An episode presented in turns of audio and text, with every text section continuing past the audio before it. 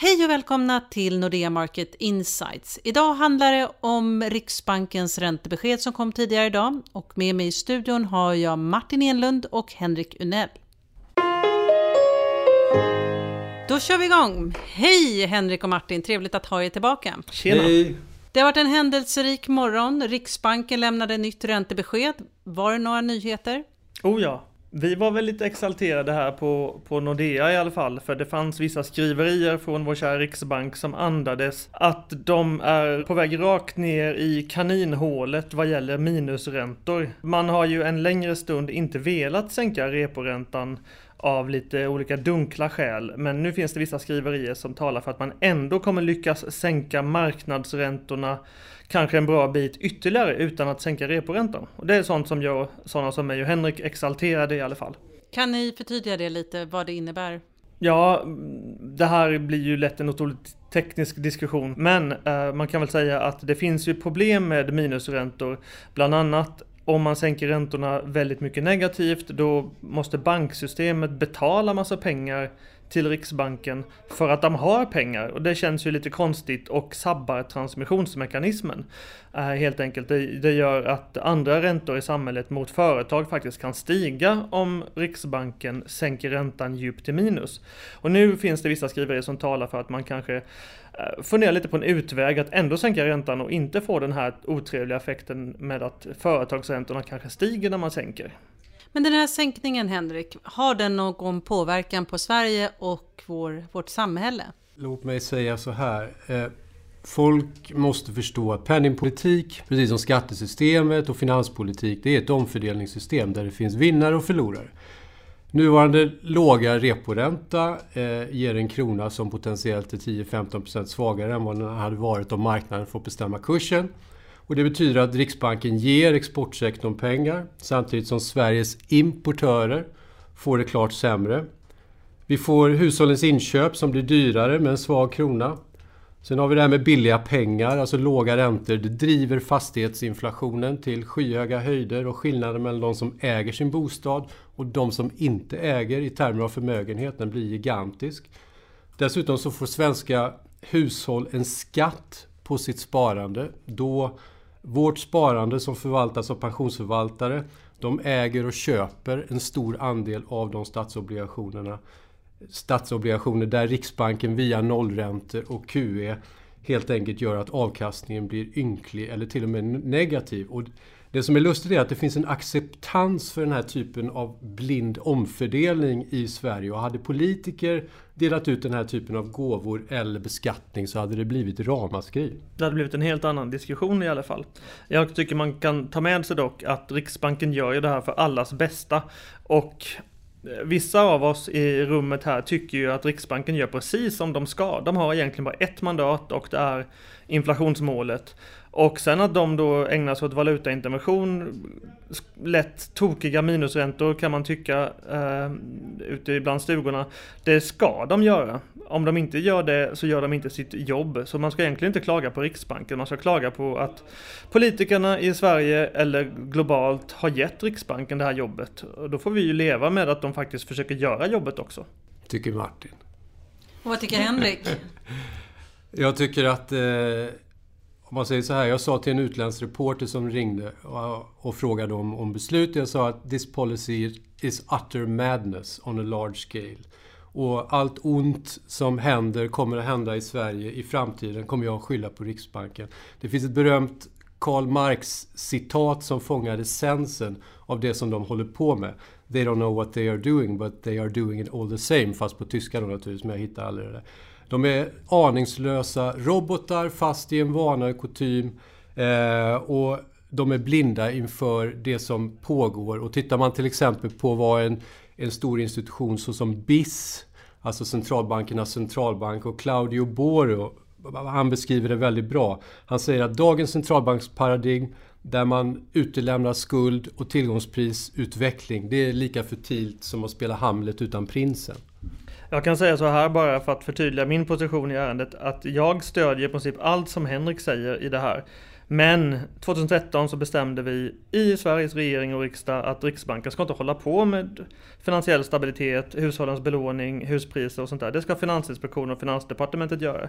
Så här ställs ju på något sätt vad man tycker är rätt och rimligt utifrån ett makroperspektiv. Det ställs emot vad som är demokratiskt bestämt. Så jag kommer inte skylla på Riksbanken när allting går åt pipsvängen på något sätt, utan jag kommer skylla på våra styrande politiker de sista fem åren som tydligen vill ha det så här. Eh, och vi borde egentligen ha stora diskussioner i samhället om det här är rimligt.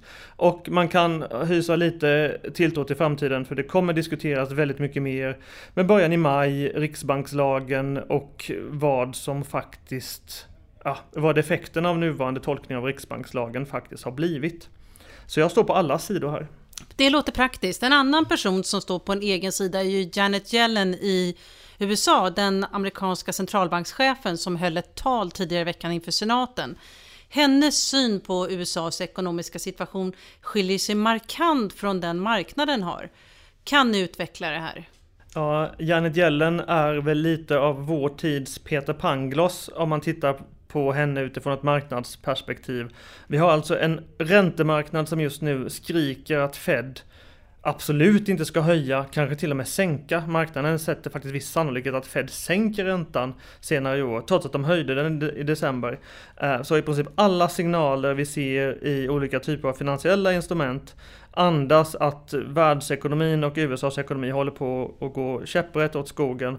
Ehm, och det här ska då ställas mot Janet Yellen som står och säger men det här blir nog bra, vi kommer nog höja räntan mer. Så just nu skulle i alla fall många i finansmarknaden tycka att eh, det, rätta rimliga ehm, beslutet från Federal Reserve vore att faktiskt kasta in handduken vad gäller ytterligare räntesänkningar. Um, för vi ser många helt enkelt oroväckande finansiella skeenden som, som vi sällan ser när, uh, när världen är på väg mot en, en, bättre plats.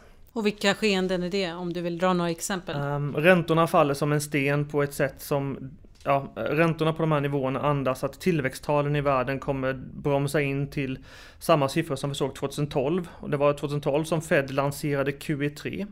Det var räntorna säger just nu. Eh, vi ser att yieldkurvan som också ja, det har med räntor att göra förstås, den har flackat kraftigt. Senast den var så här flack så var det eh, ett år innan, vi, innan världen drabbades av den stora finanskrisen. Så yieldkurvan är flackast sedan 2007 och det är också väldigt stressande. Europeiska banker har varit under press i en månad och det här kanske inte är Janet Yellens fel men här finns det vissa tecken på att att eh, europeiska policymakers, Bank of Portugal, kanske gjorde lite, hade lite hjärnsläpp i december som har skapat viss oro på kreditmarknaden. Um, Börsen faller ju också, men ja, yenen har stärkts väldigt kraftigt. och Det här är en, en reservvaluta som alltid stärks när Eh, det börjar blåsa på världens finansmarknader och det här är någonting som kanske är ett tecken på att japaner tar hem pengar från utlandet. Det är inte bra för de länder de tar hem pengar ifrån och det är absolut inte bra för Bank of Japan som gärna vill ha en svag valuta så att också de kan få lite inflation precis som Riksbanken. Eh, samma skeenden ser man lite i Europa. Marknaden ser inte lika optimistiskt på europeiska banker som bara för en månad sedan. Trots detta så stärks euron. Och det här är någonting som ibland händer när finansiella aktörer av olika rang eller av olika delar av industrin och finanssektorn ta hem pengar från utlandet. Och det, då stärks euron och det vill absolut inte ECB för de vill också ha inflation. Så det finns många orotäckande tecken där ute just nu som, som alla i princip är konsistenta med att USAs ekonomi kommer krympa senare i år. Och vi får hoppas att det här bara är en tillfällig blipp och att det är en, en tillväxträdsla som kommer visa sig vara irrationell. Men just nu i alla fall så sätter, sätter marknaden en helt annan eh, helt annat betyg på världsekonomin och USA än vad USAs centralbank och ekonomkåren i stort gör. Det är, frapper, ja, men det är frapperande hur, hur complacent Janet Yellen var i sitt tal och, och vad hon svarade på utfrågningen. Eh, precis som Martin säger, Fed har tappat greppet om den amerikanska avkastningskurvan, statsobligationsmarknaden.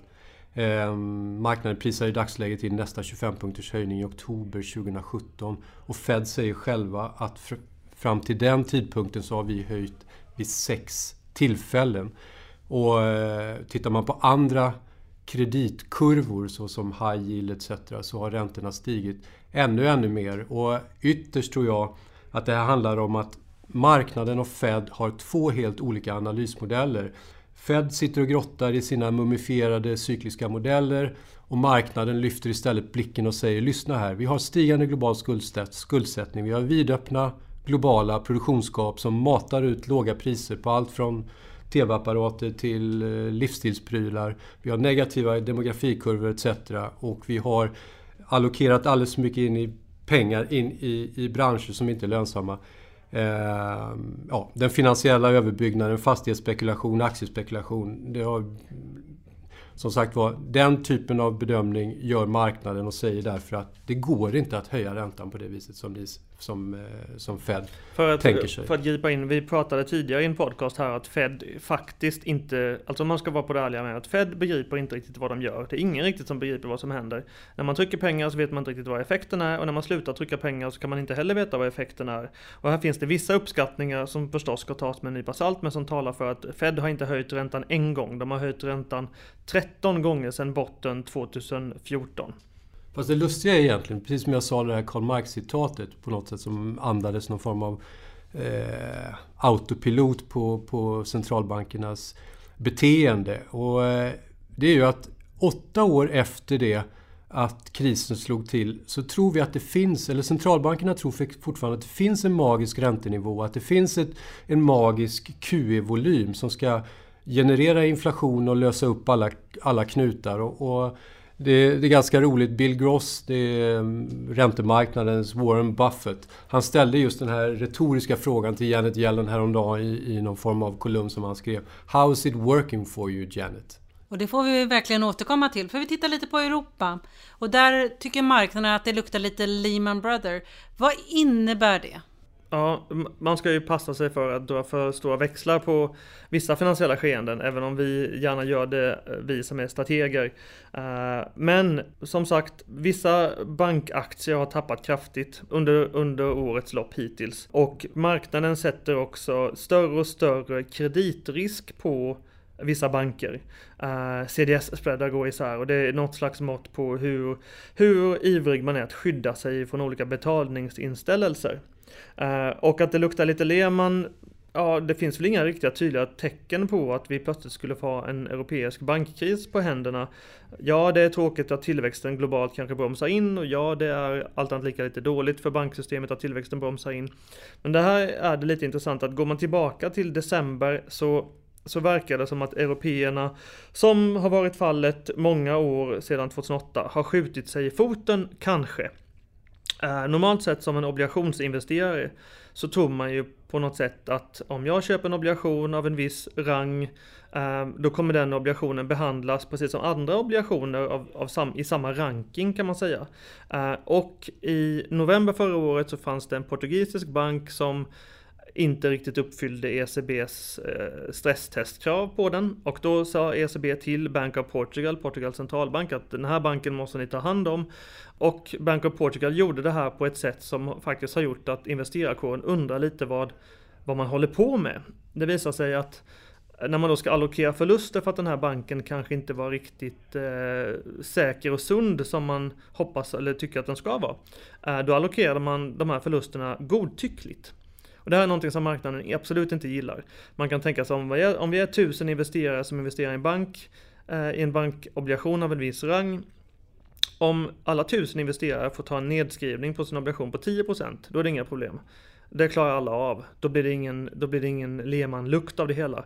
Men om bara ett fåtal obligationsinvesterare får ta 100% nedskrivning, vilket är fallet i Portugal, ja, då blir det ju någon liten läskig dynamik i det hela. För det är inte säkert att alla investerare i de här bank bankobligationerna har råd att ta en så stor nedskrivning. Och då måste man fundera på, okej, okay, vem lånade ut pengar till de här investerarna som köpte de här bondsen och så vidare. Och det är en liten, liten Lehman-lukt, så man ska absolut inte säga att Lehman är tillbaka på något sätt. Men eh, man kan nog säga att det finns många finansmarknadsaktörer där ute, eh, mig inkluderad, som tycker att Bank of Portugal hade tydligen, ja, gjorde, gjorde fel helt enkelt i december. Man kan inte ändra spelplanen utan att det får konsekvenser. Och det kan vara det här som bubblar lite i vissa europeiska Eh, bankaktier. Man ska dock ha med sig om att hela regelverkssystemet är i gungning och det pågår just en maktkamp globalt om hur man ska tolka olika typer av bail-in-regler vad gäller banksystemen i Europa. Och olika länder har lite olika regler så det är mycket annat som kuggar in som kanske kan vara en delförklaring till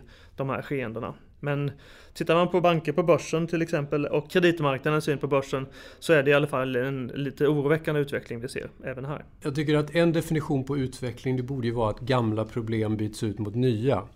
Eh, att man fortfarande diskuterar till exempel non-performing loans i italienska banker som då är 10% av totala stocken att det fortsätter att vara ett marknadstema åtta år efter att, det, att krisen har börjat. Det är, det är ju ett misslyckande. Italien är ett systemkritiskt land som ännu inte har städat upp sitt banksystem och eh, Martin ger ett exempel på, på Portugal som heller inte har gjort det. Och det vi noterar i våra modeller etc. i våra grafer det är ju att utlåningstakten hos europeiska banker bromsar in. Och det är ett läge då kredittillväxten är blygsam till att börja med. Och lägre kredittillväxt, det vet vi, det betyder lägre tillväxt. Och, och, precis som Martin är inne på, den här bear marketen i banksektorn, den, den träffar banker i ett läge då behovet av att rekapitalisera är stort för att möta kommande kapitalkrav. Och risken finns att om banker inte anses vara kreditvärdiga, som Martin säger, av marknaden, ja då måste ju tillgångsmassan säljas eller omallokeras för att möta de här nya reglerna. Och det vore inte bra för europeisk ekonomi. Det är dåligt för tillväxten och det skulle också förmodligen vara dåligt för emerging markets för då skulle europeiska banker som har intressen utomlands ta hem sina pengar från emerging markets och stänga kontor och så vidare. Så det är globalt dåligt om vi börjar ifrågasätta europeisk banksektor igen, vilket marknaden har gjort i år. Men det är många problem, men finns det överhuvudtaget några lösningar i sikte? Vad kan man göra åt den här situationen? Jag kan börja där och nämna någonting som kuggar an lite till, till Henriks långa, långa rant om Riksbankens penningpolitik. Jag tycker man kan säga så här att en anledning till att våra centralbanker i hela världen, oavsett vilken centralbank man tittar på, i alla fall i developed markets, typ västvärlden, eh, så, så ägnar de sig åt ja, oortodox penningpolitik kan man väl säga, med minusräntor, QE-program, valutaintervention och så vidare. Och det är inte så att det inte finns andra saker som policymakers och de styrande skulle kunna ägna sig åt. De flesta akademiska ekonomer skulle ju tycka att nu är det egentligen ett fantastiskt läge att ägna sig åt expansiv finanspolitik bygga järnvägar, låna extremt billigt på ett sätt vi inte har gjort jättelänge. Eh, Sverige till exempel, utifrån ett makroperspektiv, borde kunna ägna sig åt fantastiska utvecklingar eller fantastiska investeringar och, och, som skulle kunna ge tillväxten stöd. Och det här är egentligen ett globalt fenomen. Att finanspolitiken gör inte sitt jobb. Då finns det bara en spelare kvar som, som har någon slags frihet och som faktiskt försöker göra sitt jobb och det är centralbankerna och de kämpar förtvivlat. Um, men det går ju sådär som vi ser. Och där finns det då hopp om att andra policyområden faktiskt tar, börjar ta sitt ansvar. Um, sen får man ju fundera på vilken sannolikhet det är att andra policyområden tar sitt ansvar. Man är inte alltid så optimistisk. Man blir inte alltid så optimistisk när man ser omkring sig på vad vissa politiker ägnar sig åt. Men um, senare i februari så finns, är det i alla fall planerat ett G20-möte Eh, det finns vissa signaler från ECB att Europa kommer trycka på inom G20 för att faktiskt försöka hjälpa till eh, att stabilisera emerging markets. Uh, en sån sak skulle kunna vara att komma överens lite mer om att låna ut eurosar, eller för den delen att USA lånar ut dollar till vissa emerging markets-länder. Och att också försöka få lite koordination i finans och penningpolitik. Så att kanske emerging markets ägnar sig mer åt finanspolitik, kanske samtidigt som Europa borde ägna sig mer åt finanspolitik och mindre åt knasiga minusräntor. Um, så man kan ju hoppas att de styrande tar sig själv i kragen och för oss en bit på vägen vad gäller andra policyområden. Um, gör de inte det så är vi kvar i den här monetära anarkin som på något sätt Henke beskrev ganska väl. Så det finns lite hopp där ute om de bara tar sig kragen, de styrande. Och Henrik, avslutar du med någon form av hoppfullhet? Nej, det tänker jag inte. Det skulle jag aldrig göra eh, nej, precis som Martin säger, jag klart att jag instämmer att det är någon form av Grand Marshall-plan som vi skulle behöva där politiker, snusförnuftiga, sätter sig ner och diskuterar vad kan vi göra annorlunda? Våra snäva egenintressen ser inte ut att driva världen framåt. Och vi har ju, precis som Martin säger, vi har åtta år av eh, fruktlös penningpolitik där panikerande centralbanker använder världen som någon sorts försökskanin för, för ja, den här voodoo-penningpolitiken och, och skapar olika typer utav marknadsmonster såsom världens nuvarande dollarberoende exempel. Vi behöver någon form av Marshallplan och jag tror verkligen att det här med, med, med statsfinanser, ingen mer, tryck inte mer pengar för guds skull, men, men låna och investera därför att vi behöver eh, någon form av animal spirit in i den reala ekonomin. Det som tidigare bara varit eh, förbehållet den finansiella ekonomin. Två saker kan jag avsluta med. Det ena är att när man tittar sig runt om i världen så finns det ju inte särskilt mycket tecken på någon samsyn mellan någon. Det gör en ju lite pessimistisk. Men å andra sidan så kan man väl suga på karamellen att tiden läker alla sår. Det var en vacker avslutning. Då tackar jag för att ni var här idag. Tack. Tack för att ni har lyssnat. Om du vill veta mer så går det bra att gå in på nexus.nordea.com eller prenumerera på något av våra nyhetsbrev som du finner på nordea.se markets. Välkommen tillbaka!